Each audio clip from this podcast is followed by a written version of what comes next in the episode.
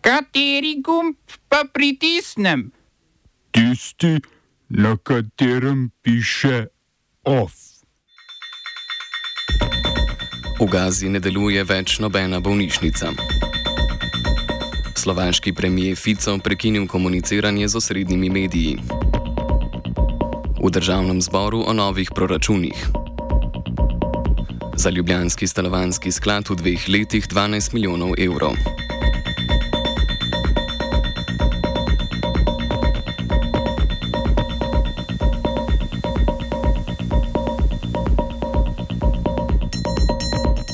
Dobar dan, poslušate poročila na Radiu Student. Vse bolnišnice na severu Gaze so popolnoma prenehale delovati, je sporočilo zdravstveno ministrstvo v Gazi. Izrael je bolnišnice obkolil in jih obstreljuje pod pretvezo, da ima pod bolnišnicami svoje prostore palestinski Hamas. Iz Svetovne zdravstvene organizacije so sporočili, da organizirajo evakuacijo treh bolnišnic. Izraelska vojska je medtem zbombardirala begunsko taborišče Nuseirat v območju Srednje Gaze. V južnem Severnem Libanonu, blizu naselja Tir Harfa, je izraelska vojska ubila dva novinarja libanonske televizije Al-Mayadin. Z televizije so sporočili, da je šlo za direkten napad, v katerem je poleg dveh novinarjev umrl še tretji sodelavec televizije. Na televiziji pravijo, da je izraelska vojska novinarja napadla, ker je televizija znana po zauzemanju za palestince in vojaško zavezništvo z Iranom. Libanonski premijer Najib Mikati je dejal, da napad dokazuje brezmejnost izraelskih zločinov. Od 7. oktobra je izraelska vojska ubila prek 50 novinarjev.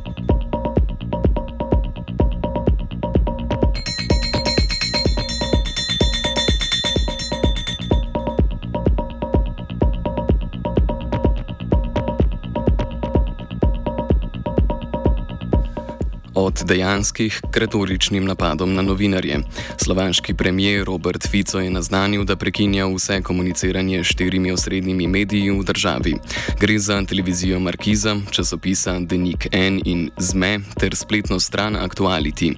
Kakor je dejal Fico, štirim medijem ne bo dajal izjav, ker ne poročajo resnično, pravočasno in celovito. Že predtem je Fico štirim medijem prepovedal vstop v vladne pisarne. Predsednik parlamenta Peter Pellegrini vodja Ficove koalicijske partnerice, je tudi predlagal zakon, po katerem bi medijem omejil snemanje ali prenašanje zvoka in videa iz medijskega središča in knjižnice parlamenta. Mediji, s katerimi se Fico ne razume, so liberalne usmeritve, medtem ko nova slovaška vlada v imenu socialdemokracije zagovarja desničarske politike. Odgovorni urednik časopisa Denik N. Matuš Kostolni je dejal, da Ficova odločitev krši obvezo javnih funkcionarjev po informiranju medijev. Kostolni je pripomnil, da se sicer za nje veliko ne spreminja, saj Fico njegovemu časopisu na vprašanja ni odgovarjal že leta. Fico je svoj četrti premijski mandat začel pred mesecem dni po zmagi na volitvah.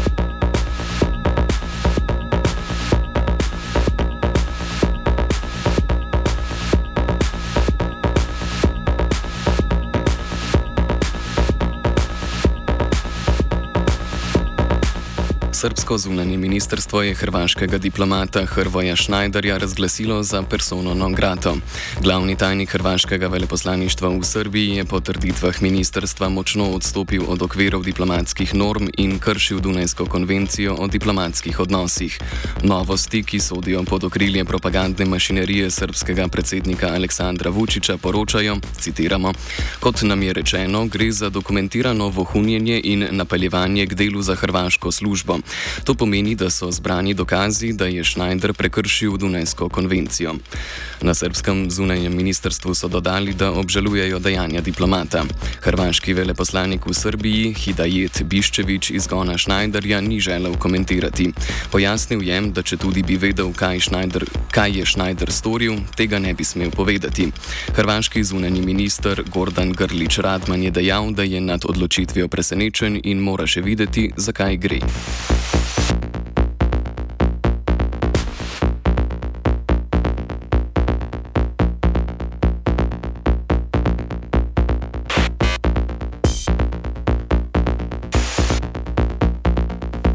Britansko vrhovno sodišče je odločilo, da dostavljavci podjetja Deliveroo nimajo pravice do kolektivnih pogajanj in drugih delovskih pravic.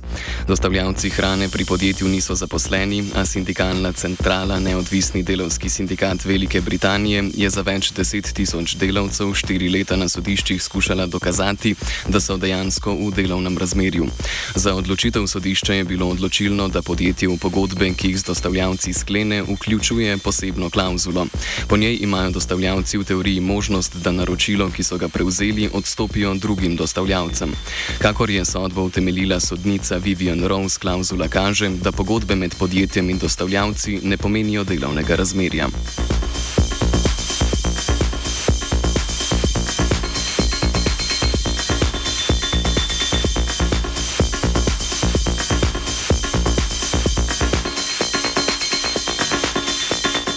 Ameriška obalna straža je sporočila, da išče izvor puščanja nafte iz naftovoda v Mehiškem zalivu.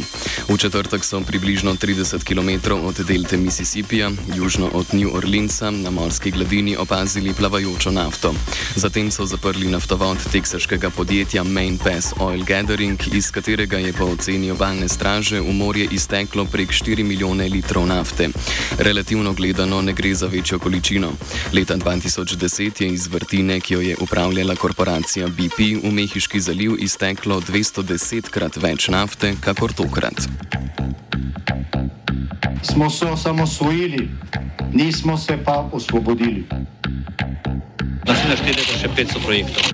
Izpiljene modele, kako so se strani nekdanje LDS rotirali. Ko to dvoje zmešamo v pravilno zmes, dobimo zgodbo o uspehu takemu političnemu razvoju se reče udar. Jaz to vem, da je nezakonito, ampak kaj nam pa ostane? Brutalni obračun s politično korupcijo. To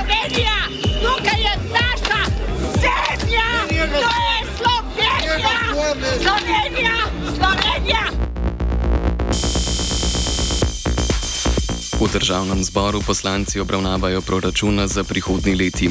Po predlogu spremembe proračuna za prihodnje leto vlada predvideva uskladitev socialnih transferjev od socialne pomoči do štipendij v višini 70 odstotkov inflacije.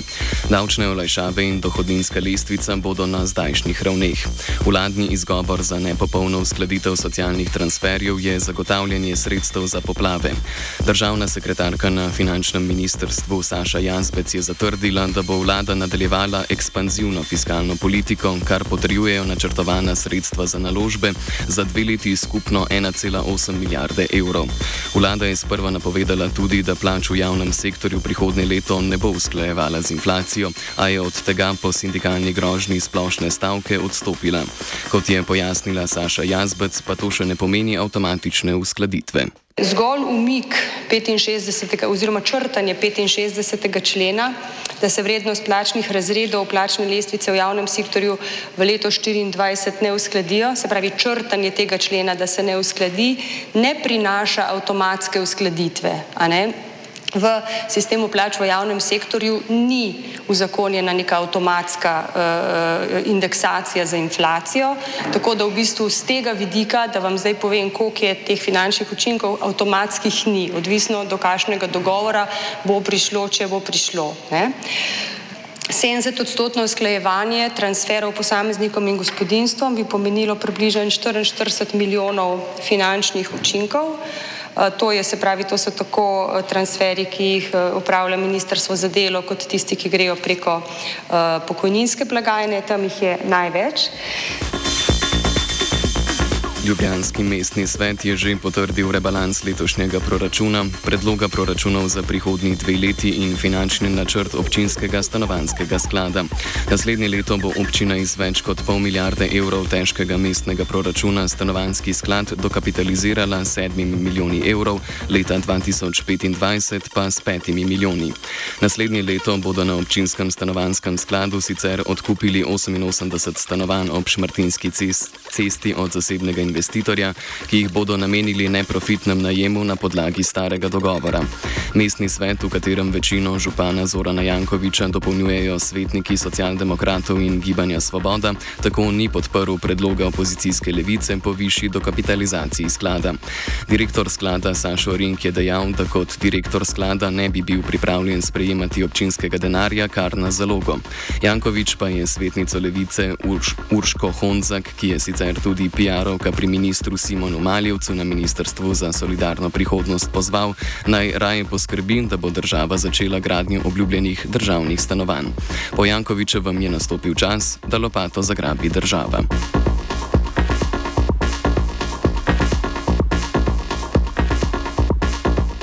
Off je pripravil Martin. Gremo, radio, gremo, radio študent, gremo, radio, gremo, radio študent, študent. Gremo, gremo, radio študent Ljubljana, delamo vse dni v tednu.